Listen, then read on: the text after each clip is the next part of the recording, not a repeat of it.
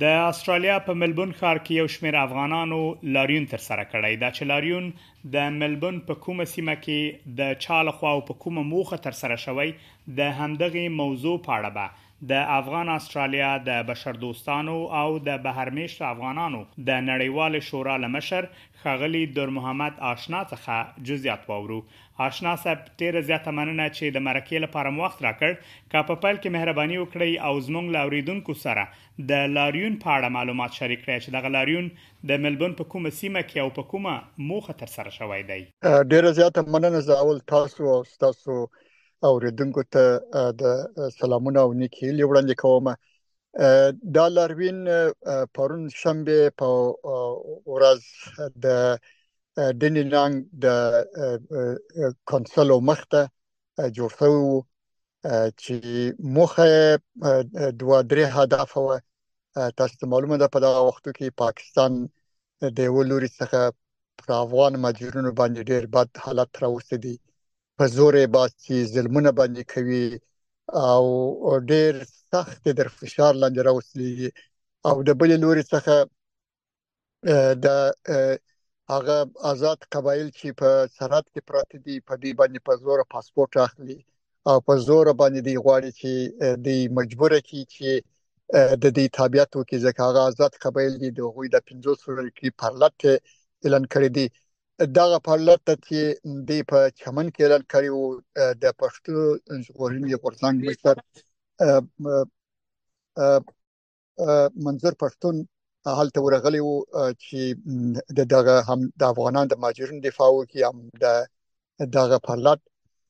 متاسفانه د وخت چې د بیرته یو بل دغه تلی بلوچستان ته د پاکستان پولیسو او پوز پر د باندې حمله وکړه پر موټر باندې وغه خو د یورو غرمټ ووتی او بل اخر د زندان ته واچو نو موږ دغه درو سره مسایلو په اړه باندې لکه پنری کې چې ژغ پورته سوی دی دلته په ملبورن کې په استرالیا کې د منظور پښتون د پاړه چې دی باید ژر تر ژره د زندان خلاص یې همدارنګه د افغان ماجرونو باندې د غزلم زور د ختمولو په خاطر او د چمن د خلکو د پرلت د غوښتنو د منلو په خاطر موږ خپور کړ. آشنا صاحب دغه لاریون د چا له خوا نه تنظیم شوی و او تقریبا څومره افغانانو پکې ګډون کړی و؟ دا لاریون په مجموع کې دلته د ملبورن کې د افغانانو د خوا جوړ شوی و نو تعداد داسې تخمین سولې ځکه چې هلته باران مو عوام سره و داسې وخت مناسب نو خو بیا مې چې دا یو شمیر زیات یو شمیر افغانانو ګډون کړی وو د دغه لاروین څخه مخکې موږ دلته د افغانانو د ټولو ملبورن د افغانانو یو ګروپ جوړ کړی دی چې دا په مجموع کې ټول افغانان چې په ملبورن کې دي په دا ګروپ کې د کمیټې مشران ټول راټول یو د ماجرین چې په پاکستان کې دي او دی په زور باسي په خاص ډول هغه کسان چې استر اصلیا ته درخواست ورکړی دی موږ دا ګروپ جوړ کړی چې د اصلیا پر حکومت فشار راوړو چې دا کسان چې سپانسر یې کړی دی او په حساب دي ته فایل نمبر غلي دی به استرالیا حکومت پاکستان حکومت باندې فشار راوړي چې وینه باسي او خط ورکړي په دې اړه باندې موږ د پارلمان د غړو سره ولیدل وزیر امیګریشن ته مخاطبونه واستول وزیر خارجه ته واستول همدارنګه مو پټیشن جوړ کړ په دغه اړه باندې یو کار چې پاتې و چې موږ باید مظاهره وکړو هغه مو وکړه. آشنا صاحب د افغان کډوالو په ارتباط ستاسو غوښتنه د اسټرالیا له حکومت څخه څه ده؟ آیا تاسو غواړی دغه ټول کسان چې اسټرالیا ویزو ته یې غوښتنلیکونه سپارلی دي دوی ته ژر تر ژره ویزې ورکړل شي او اسټرالیا ته راوستل شي دا مو غوښتنه ده او که دا چې دغو کسانو ته چې د اسټرالیا ویزو ته یې غوښتنلیک سپارلی دی دوی ته هغه لیک ورکړل شي چې د Letter of Assurance په نوم یادیږي تر څو پولیس دوی ونه ځوروي؟ مشخصاً غوښتنه مو کوم یوه ده؟ دغه دواړې غوښتنې زموږ په